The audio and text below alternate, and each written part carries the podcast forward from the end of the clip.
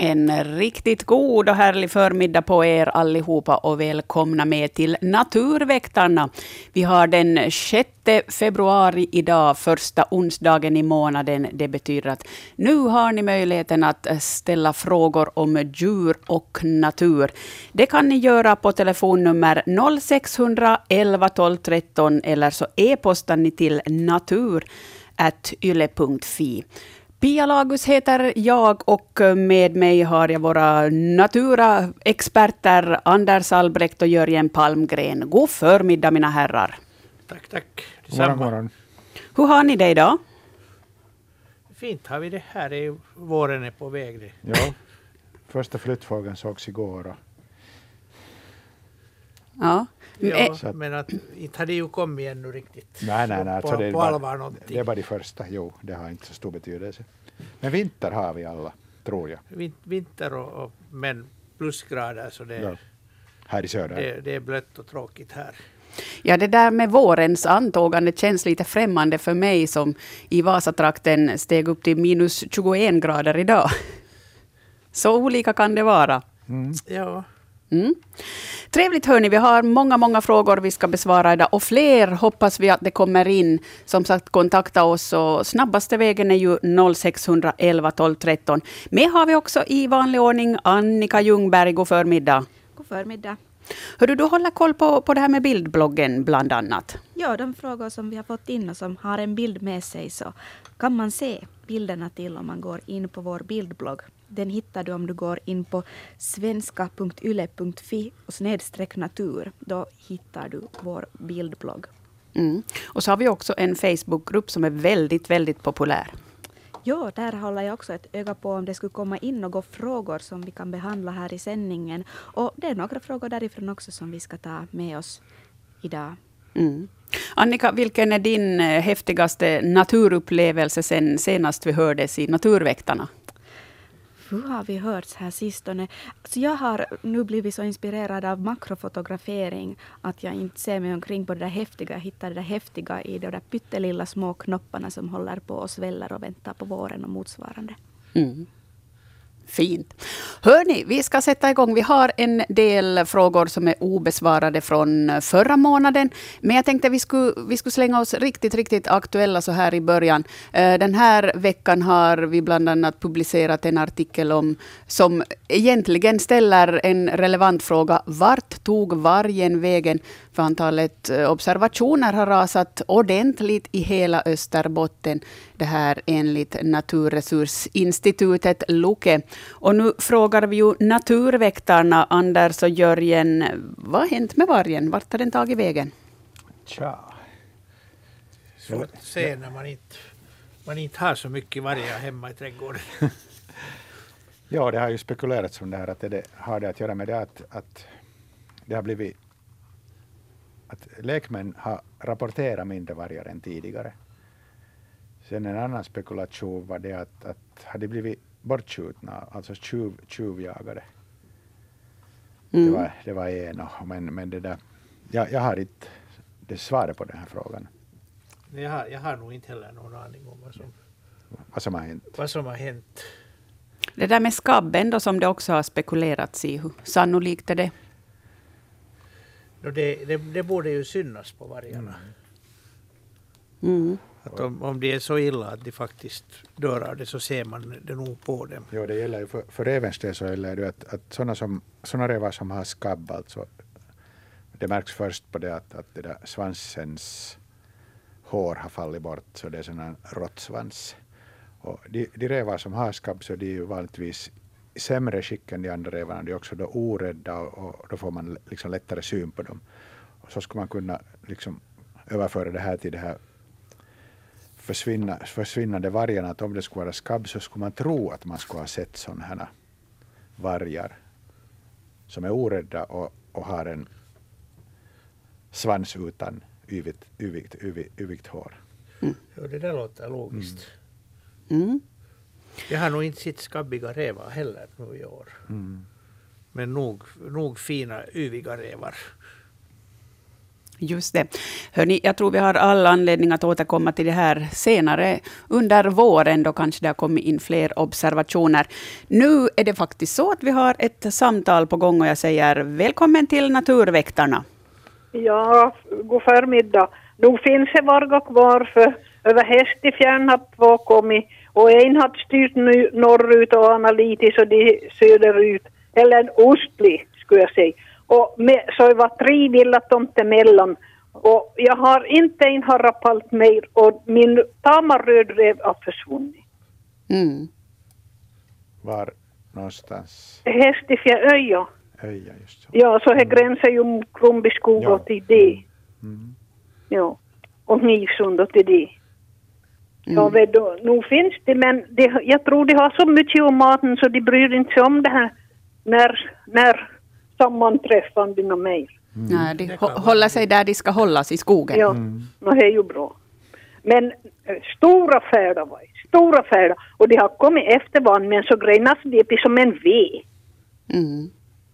Ja. Inte har vi sett dem, men vi har ju fina spår. Ja. Ja. Men flickor råkar ju ut för, för det ena i höstas så vi ringde ju nu så eh, ja, jaktförening och det var nog tid och de var och skådade och hon nära och var och hon sprang ju för livet så hon kunde inte tala i telefon heller då hon kom in och det var bara 100, 150 meter från villa, Villodejs. Aj då. Ja. Det var lite närgånget. Mm. efter Kassörsvägen ner för Baltikbacka och svänget till höger. Ja, Nå men det var bra. Bra. Nu, fi- nu finns de. de finns. Ja, Ja. det är skönt att höra. Ja. tack. Hej Tack ska då. du ha. Hej. 0611 12 13 är ju telefonnumret till Naturväktarna och vi hade fler samtal på linjen, men jag tror vi avvaktar lite där. Om vi skulle börja i någon ända, vi har som sagt, nej, nu har vi ett samtal på gång så vi lyfter på luren. Välkommen till Naturväktarna. Nu var jag för långsam. Där då. Hallå, hallå, nu är du med. Ja, god morgon. Det här är Smedskan är Doris från Björköby. God morgon. Bakom stugan har vi Highlander-tjurar. Och på ängarna i närheten så finns det också kossor och tjurar. Det är inte våra egna. Det här matar jag med bröd, skorpor och morötter. De kommer så fort de ser oss och vi ropar på dem. Om en av dem tappat brödet från munnen på marken eller någon bara nosat på det när jag sträcker fram det så tar ingen annan det. Men av saltstenen slickar de nog på samma ställe där andra slickat. Vad är skillnaden? Finns det någon förklaring? Här sitter två frågor. Ja, just det. Ja. Ingen vettig förklaring. Nej, att det där. Nej, Kan, kan det vara så att de liksom är revirmärkta med att de har rört dem? ja, Att salten förstår man ju, för det finns inte salt åt alla. nej. Jo, det är så märkvärdigt. Det där så har, man ju, har jag sett nu i flera år när jag har matat dem. Och, och det en kan ta som, som är lite glupskare, så han kan ta någon gång av det någon annan har, har nosat på. Mm. Men, men inte. Så det, det är så märkvärdigt, det har jag funderat på. Jo, jag, har, jag har matat en hel del kor som barn men jag märkte Mm. aldrig det där. Jag tyckte att de var så glupska att de tog nog alltid och ja, en tog hela plastpåsen och allt och svalde den. ja, ja, no, ja, det skulle vara Men roligt det, faktiskt. Det, det skulle vara roligt, men du får experimentera med det där. Det ska jag göra. Jag ska fortsätta och så ska vi se, se vad som händer. Ja, Bra, Mm. men ring och berätta sen. det ska jag göra. Bra. Tack ska du ha. Tack ska du ha. Hej. Hej. Hej. Ja, spännande när våra experter ibland sitter som frå två frågetecken. Det är ju det roliga, det här, att man lär sig nytt. Ja.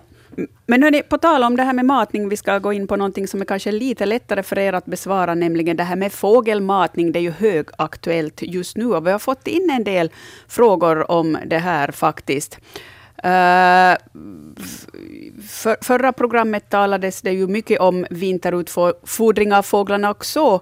Och uh, Roger skrev så här, har dålig erfarenhet av detta, troligtvis på grund av att den i närbutiken inhandlade fågelmaten inte helt enkelt blir godkänd av fåglarna. Alltså det är solrosfrön, korvliknande förpackning där plasthöljet avlägsnas. Fåglarna tar några smakbitar för att efter några sekunder senare flyga vidare. Detta oberoende om temperaturen är minus 5 eller minus 15 grader. Eh, vore intressant att höra om lyssnarna har samma erfarenhet. Ja, är, är, de, är de kräsna, de här fåglarna? Ja. Nu, jo, nu kan de vara det. det. Det är sant.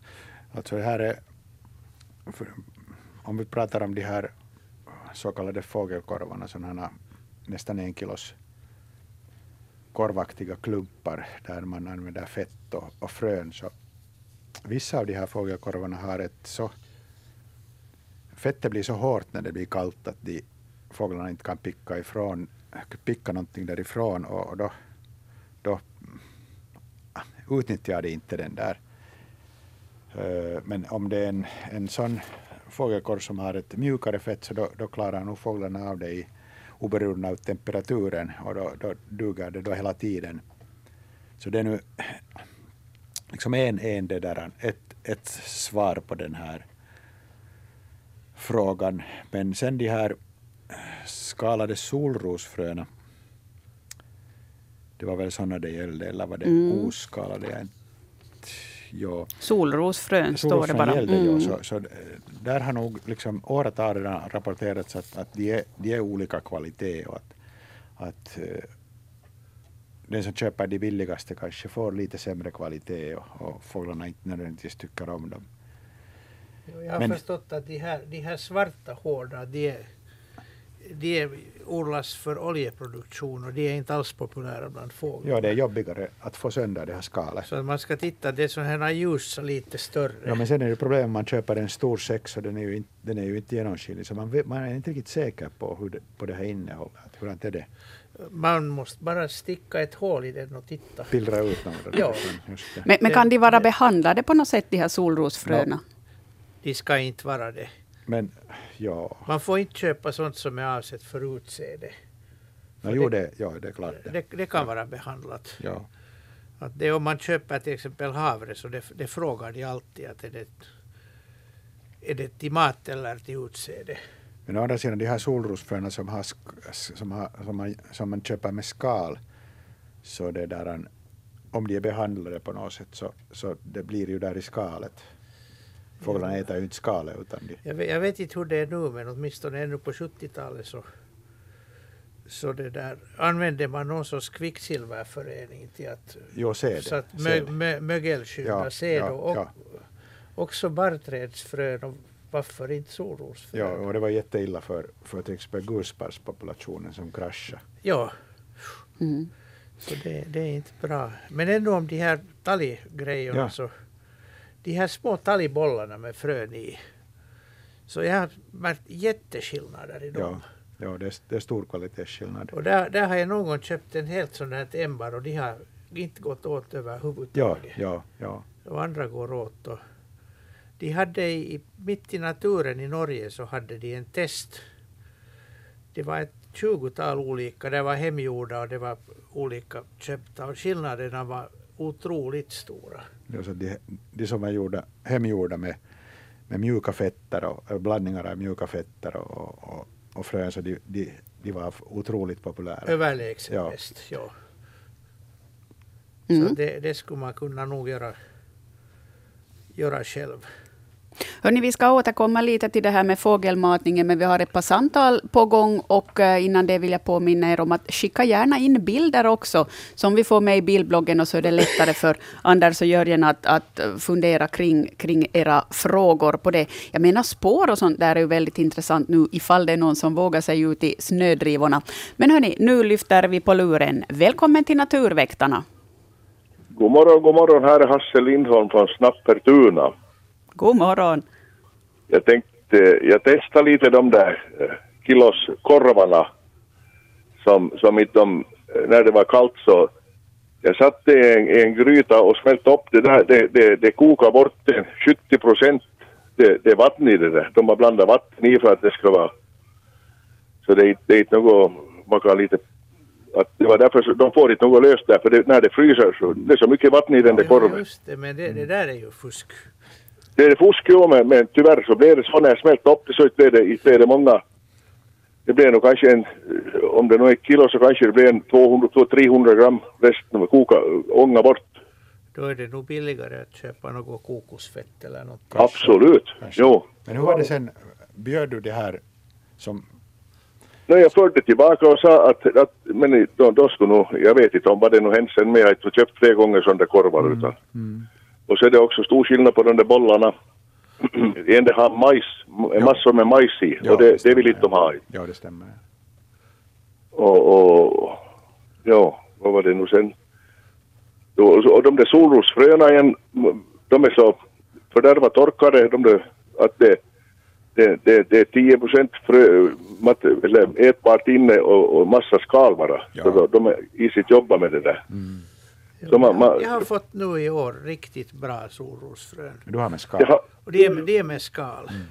jo, Och jag har också har fått, varit väldigt lyckade och, och det, Jo. det bara går åt så fruktansvärt mycket när de är jo, bra. jag har fem, femte säcken på gång här, 25 kilo säcken på gång här nu och en 100 kilo. Jo, jag är också på femte säcken. ja, vi, vi är lika bra. Jo, jo Så det har jag- det gått lika mycket. Jo, så har det gått för mig. och- Ja, bra. Och Jag har, har här en, 200 gulsparvar och så hade jag en lappsparv här för Oj. två Oj, veckor sedan. kiva. Jo, det var, och, och nu har jag, tyvärr har jag, jag, jag skulle inte matta de där ormvråkarna men jag har fyra ormvråkar här. Nu är det Ja, två. men det ska du vara glad för. Jo, jag är glad för det där men jag tänkte att de skulle förstå till flytta för, jag, för dem. Jag får ju, jag får ju matta för dem hela, jag började för, för en månad sedan. Det, jag hade skulle ena ringmärkt då. då. mata ormvråkar. Kan Jo. du skicka dem till Sibbo? Jo, det är det. Har de, jag sitter i köksfönstret, jag har dem här i 40 meter från köksfönstret. Jag, filmar, jag har nog filmat dem och, och de alla har olika färger, det är Ja, ganska just intressant. Ja. Men de är, de är för det mesta är de mörkbruna eller vad? Jo, no, en, är, en är nästan svart och en är, har hela bröstet, uh, hela, hela bröstet ganska ljust liksom. Ja. Och här tidigare i höstas hade jag en ryssvråk här också. Men det var inte här på gården utan det var som jag hittade på Ja. åkrarna. Mm. Alltså en ormvråk den där. Ja. Det, kallas, det har väl ett annat namn, och ryssvråk och, Ja. men det. Ja, den ö- östlig ormvråk kan vi kalla det också. Jo, jo de, är ju, de är inte så säkra på om, den är, om det är en skild art eller om det är en underart, jo. en underart. Ja. Nå, nå, det, det var de där korvarna som jag nog tänkt Jo. mest på, att det, det är bara vatten i dem. Eller mycket vatten i Ja, dem. så det lönar sig inte. Nej, Tack. Vi har haft otur med korvarna för att vi har jo. springer en del lösa hundar där och de Jaha. hoppar upp och tar dem. Och nu har jag, jag, jag sagt en hjort här heller, jag är med på, och, och så tog jag det där fettet, de har en, en, en, en vitsvans eh, kalv eller kid. Så tog jag det där vita bort och smälte upp det och la det i nät. Men det duger inte åt, inte åt, inte åt blåmesarna och talgoxarna och inte heller de här pilfinkarna. Jag har pilfinkar en massa. Ja. De äter hellre de här bollarna. Men de ska man nog tarka med de där bollarna varje Ja. man köper dem. Ja. Ja, jag, jag har köpt sån här vit talg nog från, från Jo. köttaffären. och- Alltså är det, är det svinfett då? Jag antar att det är svinfett och Ja. det, det fungerar bra. Ja. Mesarna och hackspettarna tycker nog bra om det. Ja. det här ratar då nog det här vitsvansfettet. Det, du- men Kanske det smakar starkt på något vis. Mm. det, det kanske det är ju. Ja. Nå, det var det här. Tack. Tusen tack ska du ha. Ja, Mm. tack. Ja, hej. Hej. hej, hej. Ja, nu ska vi gå in på en liten annan föda som, som någon har prövat sig på. Då gäller det en fiskmås. Och det här är faktiskt en lyssnare, Matti, som har tipsat om det här. Jag menar, han lyssnade på programmet Eftersnack i december och där var det en lyssnare som, som undrade hur en mås tål tabasco. Men jag tror vi ska ta... Vi har fixat ett litet klipp från från eftersnack och vi ska höra hur det gick till när de fick in det här brevet så får ni, får ni experterna idag ge ert eh, utlåtande om, om det här var rätt eller fel kanske eller vad som eventuellt kan ha hänt. Lyssna här. Här skriver Kekko då. Vi hade problem med fiskmåsar som kom och nappade matrester från terrassbordet på sommarstugan i Sibbo. Det var speciellt en fiskmås som satte sig vid takkanten medan vi åt och, och om man steg upp ett tag och lämnade bordet ensamt dök måsen genast och tog sig en god bit. Nåja, så kommer det fram att eh, då tyckte min dotter att vi ska kolla fiskmåsens aptit. aptit. Och hon, hon tog fisken, hällde på den mycket rikligt med vår starkaste tabasco och lämnade fisken på bordet när vi steg upp. Och vips, på ett ögonblick var fisken försvunnen. Men efter den dagen har vi inte sett till den fiskmåsen eller någon annan fiskmås heller vid vår terrass. Och det här hände för cirka åtta år sedan.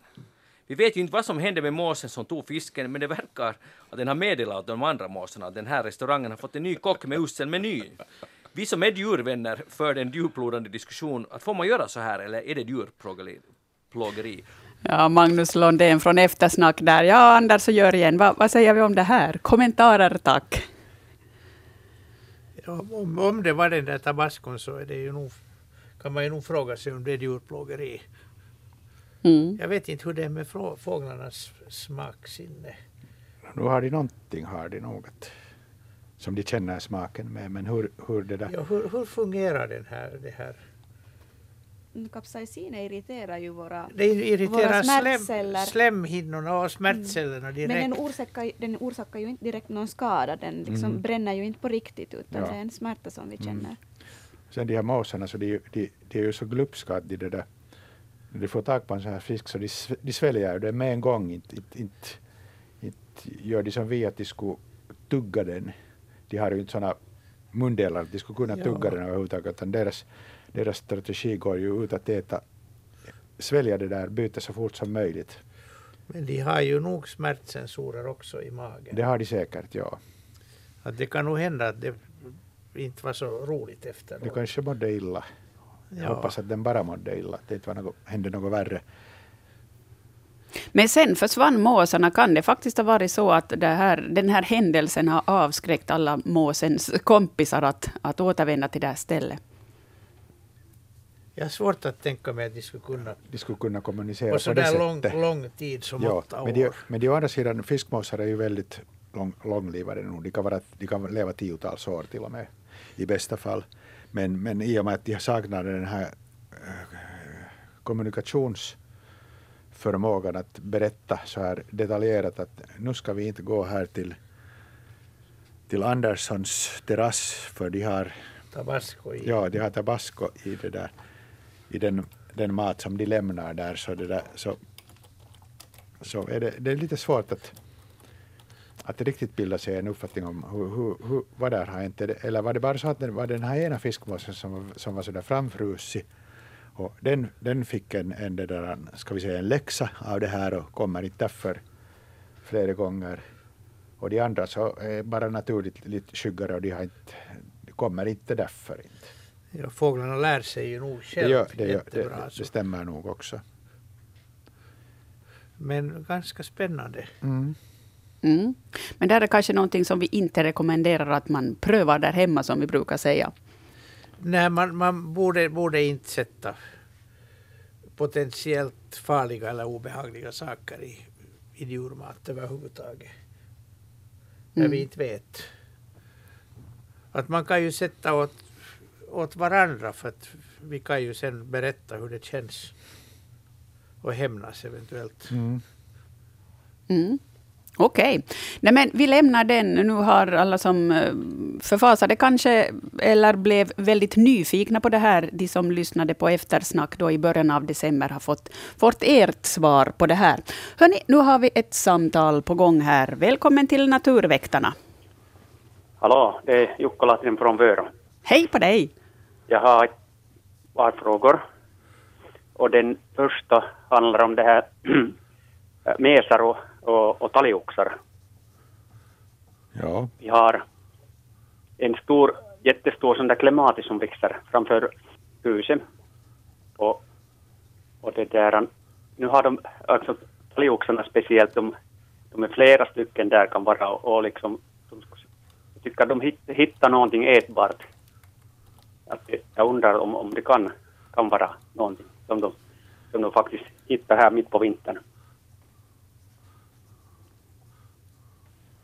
Anders, du känner klimatis bättre än jag. Det där är ju nog Och dels är det ju frön, men jag tror Mm. inte de kanske är så populära. Men det som de har i de här slingerväxterna, är, det är en hel del insekter som övervintrar i dem. Mhm. Som, som kliver upp. Ja, alltså Så jag tycker, tycker det alltså, speciellt den här vintern, alltså jag har enligen märkt tidigare vintrar, men just i år har de varit, och det är inte bara en eller två talgoxar, utan det kan vara ett tiotal som, som, som lockar och pickar där. Ja, jag, jag, jag, tror, jag tror att det är, det är insektföda som de, de vill ha. Ja. Det, det gäller Ja, inte bara var- klimatiskt utan sådana här klätterväxter. Vildvin är ju jättepopulärt Okej, för övervintrare och också då för, ja, för mesar och, och, och sparvar också som, ja. Ja, som no, jag. Och- det är förvånande hur mycket insekter som Jag finns. tycker att det skulle, det skulle ta slut i något skede. Ja, alltså, Ja, nu, tar, nu alltså, tar de slut men eh, mesarna de, de söker ju igenom. Ja. Det är sant, de är väldigt systematiska. Ja. igenom Ja, det det, här- det kan vara nya mesar som kommer på nytt och som inte vet att det är genomsökt. Ja. ja, ja. Men ja, att- jag matar nog annars också.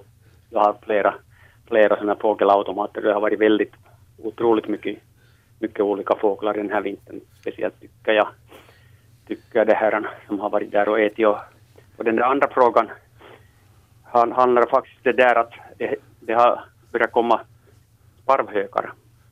Ja. Och, och, och först kände jag nog att det där måste vara sparvhök. Den, den attackerar här flera gånger och har nog fått några, några gånger en, en, ja, nå en, en mes eller någonting. ja. Och det där, sen en gång när den åt där, jag märkte bara att det kom en, en lite större eh, hök antagligen också som försökte ta byte men då, då försvann den där sparvhöken med sitt byte. Men, ja. men, men sen det där förrgår, alltså äh, måndag morgon, såg jag att, att de här fåglarna försvann igen mitt i allt plötsligt. ja. Och sen kom en, en fasan, med mycket snö här i Vörå också just nu, och sen den kom där, man kan säga plomma i snön och, och, och kom till, till vår syrenhäck. Ja. Och, och då kom, kom den där höken och, och tog, tog fasanen. ja.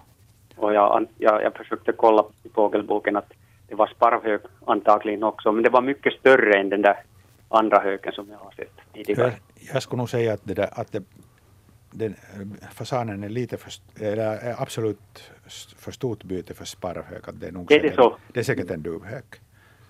Ja, no, men jag försökte tycka Mm. att det, det ser nog väldigt stor ut, Ja. ut den där höken, att är det sparvhök? Ja, här är en, vanligtvis en ganska bra tumregel det att om, om, om den här höken är större än en kråka så är det duvhök och är den mindre än kråka så är det Okej, sparvhök. no, men, men då, då var det en duvhök. Alltså Ja. jag började fundera, kan Ja. det vara Ja. du, duvhök? Och Ja. det där, den faktiskt tog den på, må, på måndagen och igår fortsatte den att äta. Ja. äta och, och det var bara benen, benen och fjä- fjädrarna kvar. Ja, var, det, var det en tupp eller en höna som den tog? det var en tupp. Ja, den, den kan till och med, tuppen kan till och med vara lite för stor, eller på det sättet för stor för duvhökar att den, den inte klarar av att föra bort den, utan den blir Ja. ligga där och då kan den just komma så där att den kommer flera dagar och äter på den. Ja. Och till slut, Ja. så, sen när det här är tillräckligt mycket så då kan den nog förflytta den någonstans. Eller så kan det vara något annat djur som också flyttar på den, det kan vara Ja, ja. och, och annat. Ja, okej. Ja, no, men då. Ja. Hörni, vi ska, vi ska lyssna lite på duvhöken, hur den låter. Okej.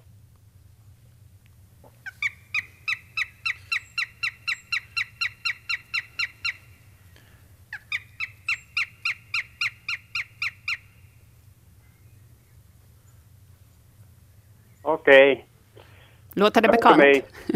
Ja, no, den har nog varit ganska tyst. Tyst Ja, om det- det, och det- bara det koncentrera sig att äta. Att de, de är ganska tysta alltså i, i, sina revir. Alltså duvhök, gamla duvhökarna är just tandfåglar och de, de finns nog där sitt, i sitt revir och, och, här i huvudstadsregionen så, så är det väl nu för tiden den, den talrikaste rovfågeln och, och där, där de bona finns så där finns nog de här paret finns på plats och de ropar vanligtvis tidigt på morgonen och så här låter det när de, när de Ja, ja, nu har jag hört, hört Ja. det där, det där har jag nog hört Ja. i naturen. Ja. Ja. Mm. Men, tack Bra. för mig. Tack ska du ha Jukka. Tack. Mm. Ja, hej. Hej. Hej. Nu ska vi ta oss an en fråga som eh, blev lite på slarv från förra sändningen i början av januari, Annika. Det var en lyssnare från Jorvas som ringde in och berättade att han tittar ut genom köksfönstret på två unga ekar som är 56 meter höga. Och han berättade att den ena har nästan alla bruna blad kvar och den andra är helt utan blad, då i början av januari. Och även tidigare år har han observerat motsvarande på andra ekar. Och han undrar vad det här beror på. Och då hade Hans och Jörgen funderat här om, om vi har olika raser av ekar, till exempel bergek finns som behåller löven ända till våren. Men det där Anders hade tidigare berättat om det här fenomenet och vi lovade att vi skulle återkomma när vi har Anders här om hur det är med olika ekar, deras bladfällning beroende på individ eller på art. Ja, alltså om vi tar den här vanliga skogseken först, så det är ju den vi har mest så så det är mycket vanligt att de unga ekarna håller bladen länge kvar. Medan de äldre brukar tappa dem tidigare. Men att det, det varierar och det är inom arten. Bergeken har vi överhuvudtaget inte hos oss.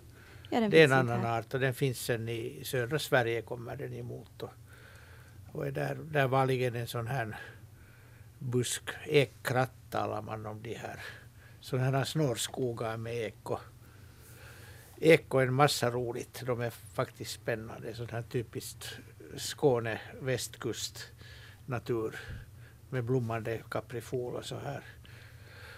Men om man har två unga ekindivider, hur kan de ha så stor skillnad med, med mellan de, de kan ha olika proveniens också. Att, Vad var det för ord du använde just? Proveniens, alltså varifrån de kommer, varifrån fröna är. Ja. Och då är de anpassade för olika, olika fotoperioder, alltså olika längd, dagslängd. Och det kan hända för en del att de, de är anpassade för en annan. Att kvällarna inte blir tillräckligt mörka tillräckligt tidigt för att de ska tappa bladen. Att det, jag, jag vet inte hur det är med ekarna men det är en jättevariation. Det är ju nog variation i många andra träd också. Att det ser man på våren, att hur tidigt björkarna slår ut. Jo, och, på asparna kan det vara en skillnad på tre veckor mellan de tidigaste och de ja. Också på hösten och ser första, man att... Och på hösten också. Och sen om, om de är vid någon lampa, vilket man kan se vid de här enorma strålkastarna som de har vid vissa motorvägskorsningar, så där håller ju träden löven kvar. De hålls gröna länge och de hålls kvar länge. Så att de, är liksom, de anpassar efter det. Att de tror att det blir höst och mörkt. De tittar inte på temperaturen utan just på på den här ljusa periodens längd, eller nattens längd, vilket det nu är de mäter. Mm. Ska vi nöja oss med det? Ja, vi får nöja oss med det svaret. Det jag tror att ni får göra det. Hörrni, då ska vi ta oss en titt i bildbloggen och den första bilden, eller den som finns längst till vänster, det är den första i ordningen. Och det här handlar om en svamp som eh, fotades i svampskogen i Pargas i höstas. Och eh, den här personen undrar helt enkelt vad det är för en svamp. Ser ju ut som några fingrar som sticker ut ur trädet. Jo, jo det, är det hör till gruppen kärnsvampar eller kolkärnsvampar, alltså säcksvampar. Som är, och det är, det, det är som om det skulle vara eh, kol det här. De är, de är hårda och styva. Och det här är en xylaria-art. Och vi har nu ett par arter som ser ut ungefär så här. Polymorfa och longipes. Så nu, nu vågar jag inte säga vilken som är vilken. Jag tittar, jag tittar på nätet vad de skulle heta på svenska och den här polymorfan kallas både tjockhorn och långhorn. Mm, okay. Så jag vet inte. Sen har vi en, en vanlig som heter stubbhorn men den, den har sådana här spetsar och är lite gråaktig i toppen. Det är den vanligaste av de här arterna. Men den här vågar jag inte på basen av bilden. Borde man ha mikroskop och kunna analysera det? Jag tror det. De har nog någon skillnad i formen mm. men det ser man inte på de här heller. Och, men de varierar mycket. Det kan hända att man måste mikroskopera dem. Men de är inte något vanliga, inte de här, den här typens xylarior. det är den där vanliga stubbhornen som man ser ofta. Den finns lite överallt. Mm. Men det här är nog en typiskt typisk sån här pargassvamp. Det växer visst på en, är det, löv, är det en lövträdsstam eller? Är det kanske en... Ja. Det ser ut som lövträd men Men det är åtminstone ingenting man slänger i stekpannan med en klick smör. nej, nej men det, det är nog väldigt mycket att tugga på. Mm. Det är hårt och, och styvt men de är intressanta. Mm. Ser liksom spännande vara ut. Lite, lite sprickor där i stammen när de växer från de här sprickorna eller är det bara jag som inbillar mig att det är sprickor? Jo, det, det är antagligen sprickor och där är lite, lite början till röta. Mm. Det är ju ofta på, ofta på sådana här döende träd. Och det här stubbhorn är ju ofta på helt dött på stubbar och, och döda träd. Men de här andra är ofta på levande träd men på skadade ställen.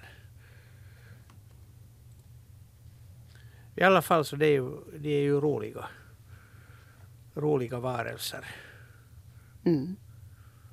Okej, men hörni, då vi en gång är inne på bildbloggen så tar vi bild nummer två där handlar om eh, några små rara spår som Sofia Pjelax har skickat in. Och hon berättar bland annat att de brukar ha det ganska livat på kallvinden. Då har de fått skogsmöss i fällorna. Men eh, här är det nu kanske eventuellt frågan om ett lite större djur som rör sig och är så pass fiffiga att de, de överlistar de här fällorna och inte fastnar i dem. Va, va, vad är det för spår vi ser? Här har Sofia också en, en linjal bredvid, så, eller ett mått, måttband, så vi, vi kan se att de är ju inte riktigt stora ändå.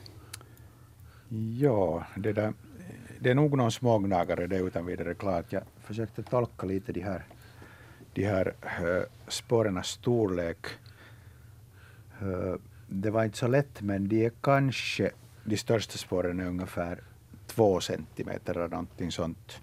Menar du hela gruppen? Nej, utan bak, bak. Bakfoten och det Bakfoten. skulle vara skogsmus. då. Det skulle då vara skogsmus. Men å andra sidan så skulle man gärna se, om det skulle vara skogsmus, skulle man gärna se mera svansspår. För den har, skogsmusen har ju en lång svans så det blir ganska, ganska lätt uh, svansspår också i snön.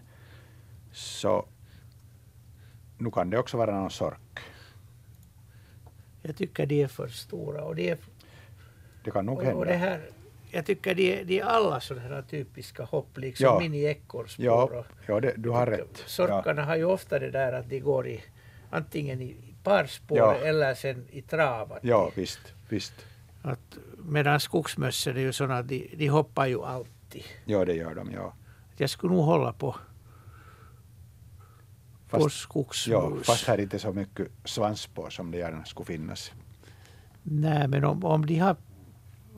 Det här är ju, väl, det är ju väldigt sån här trafikerad stig. Ja. Att jag tror att de har gått ganska sakta fram där. Möjligen. möjligen. Och då har de svansen upplyftad. ja. Ja, det går från ett stenröse in under terrassen. Ja. Och Sofia hon vill ju ogärna ha de här in i Mm. huset så att säga. Och hon frågar vidare här, vilket bete som är bäst i fällorna? Det ska vara någonting gott. No, jag, har, jag har använt uppe på vinden när jag har fångat skogsmöss som, som springer i väggen så har jag fångat med, med det där äppelklyftor. Äppelklyftor i musfällor. Och det fungerar ganska bra. Jag har brett en klick smör bara på Aha, den det räcker. plåten. Det räcker Okej. bra. Det är Ja. hemskt lätt att applicera. Ja, visst, ja. Och det Ja. flyger inte ut. Jag har, jag har tio, under tiotals år blivit van vid att pillra äppelklyftor där. Så. Ja, Men de flyger sen bort dem. det går ju. Vi har nu sådana fällor som inte har den där taggen. Aha. Utan, utan den är, när man köper så är den impregnerat med något doft. Det är sant, det är en sån här plast, Ja, plastfälla, ja. Men hörni, den gamla hederliga osten då? Ja, den fungerar Nu bra. borde den den, fungera den också. blir ju gammal med tiden. Och den, ja. Men det doftar det ju mera. Att, Ja, men när, när de kommer in så, så nu kommer de på de här. jag, jag tror det också. De springer nog omkring. Men fast jag hur mycket fångar så alltid finns det någon kvar där uppe på vinden. Mm. Hörni, vi ska ännu ta in ett samtal innan klockan blir tio och det ska bli nyheter här i Yle-Vega. Jag säger god förmiddag och välkommen till Naturväktarna. Jo, tack för det. Jo, jag har funderat på någon på nå spillning som, som, som, jag, eh, som vi har upptäckt på yttre vinden. Vi, har, eh, vi bor i ett gammalt hus och och vinden. Och jag trodde bara att det var, det var, det var mössen som har, har varit i farten och jag, jag satt ut fällor och jag, och jag satt eh, dit katten men ingenting hände inte varken i fällorna fällan eller, eller någonting. Att, att vad kan det vara? Eh, möjligtvis något, vad heter det, fladdermus va? Be, beror på hur, hur, vilken storlek var den här spelningen? Ja, no, det var ungefär som, som möss, äh, Ja. möss det här spillning. Och vilken, vilken färg var den? Nu är svart. Mm. Svart. Och det, är- det är ju nog typiskt för fladdermössen att den oftast är svart. Ja. Mössen har oftare brun nog. Ja. Ja. Brun eller grå Ja, just eller ja. gulbrun. För när de äter en massa frön och sånt. Men fladdermössen som äter bara insekter och, och Ja. ganska mycket svarta. Så Så de, det är oftast till och med blanksvart. ja, Ja, no, men måste jag äh, ja, till, om jag ser något mera till... men ta, ta den där spillningen och, och sätt den i vatten och pilla sönder och se att om den består av insektdelar bara Jaha. så, så då är det fladdermöss. Så Är det, Ja. är det gnagare så finns där växtdelar Ja, med. det finns det. Ja. Alltid. Okej. Ja, ja.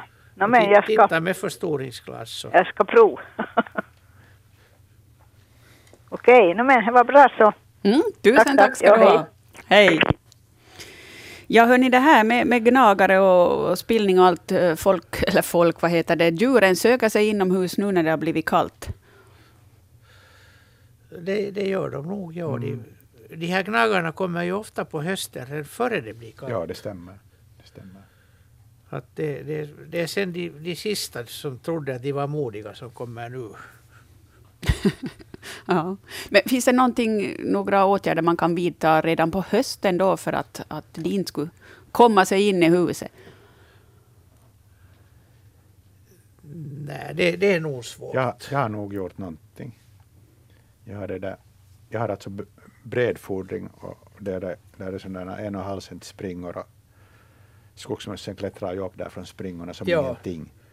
Och jag har, det där, jag har försökt liksom förhindra dem att klättra. Jag har spikat på, med en cents mellanrum spikar där nere. Ja, Men det där inte slutade, inte slutade med spring i väggarna. Men så hittade jag, det där, så hittade jag ett ställe där de alldeles tydligt hade klättrat in och så satte jag sån här minknät där i vägen. Och nu har jag haft väldigt dåligt med springande möss i väggen. ah, ja no, du, du får komma till oss också. Vi har Ja. det problemet att vi har öppet under huset. Just det, ja. Och så har vi gammaldags isolering. Så Just det, det, ja. det, det, det är fria, fria rör om de bara ja går igenom det, ja, isoleringen. ja, Så- det, och det, det gör de ju. och det gör de. Ja, just det. Det är nog, svår, det är nog svårt att få dem att hållas bort, helt borta. Det, det är nog svårt. Ja. Ja. Att vi har, det är nu mellan, mellan 10 och 100 möss får vi per Mm, höst. just det, ja. Mm. För den som kan så gäller det att skaffa katt naturligtvis. No, ja, kanske. Och inte, ing, inga lata katter utan sådana som, som är Och så stänger jaktsugna. man in dem under diskbänken när kommer Ja, in. just det. Hörni, klockan närmar sig tio. Det ska bli nyheter här i Ylevega, men Naturväktarna fortsätter naturligtvis efter det. Och ni får fortsätta att ringa in på 0611 12 13 och ni får fortsätta att e-posta på yle.fi och så får ni följa med i bildbloggen. Den finns på svenska.yle.fi snedstreck natur. Men nu är klockan tio och det blir nyheter här i Yle Vega.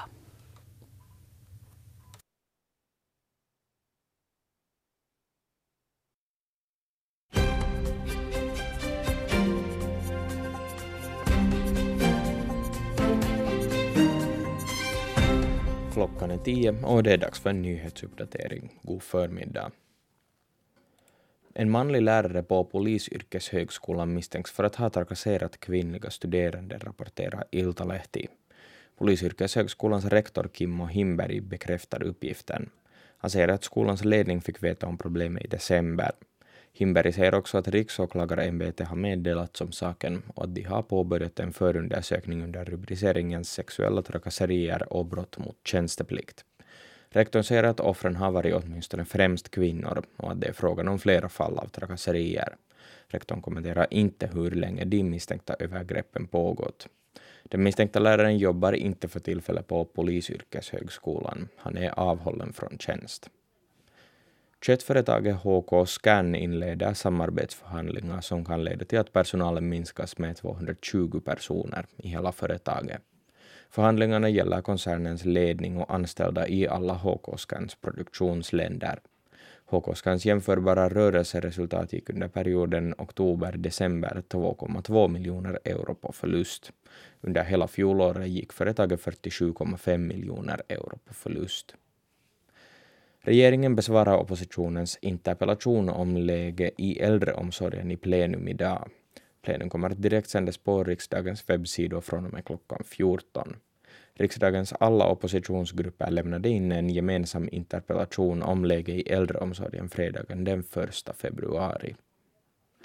Försvarspakten NATO har undertecknat ett preliminärt medlemskapsavtal med Nordmakedonien. Det banar väg för Nordmakedoniens medlemskap i NATO, vilket blir klart när alla nuvarande 29 NATO-länder ratificerar.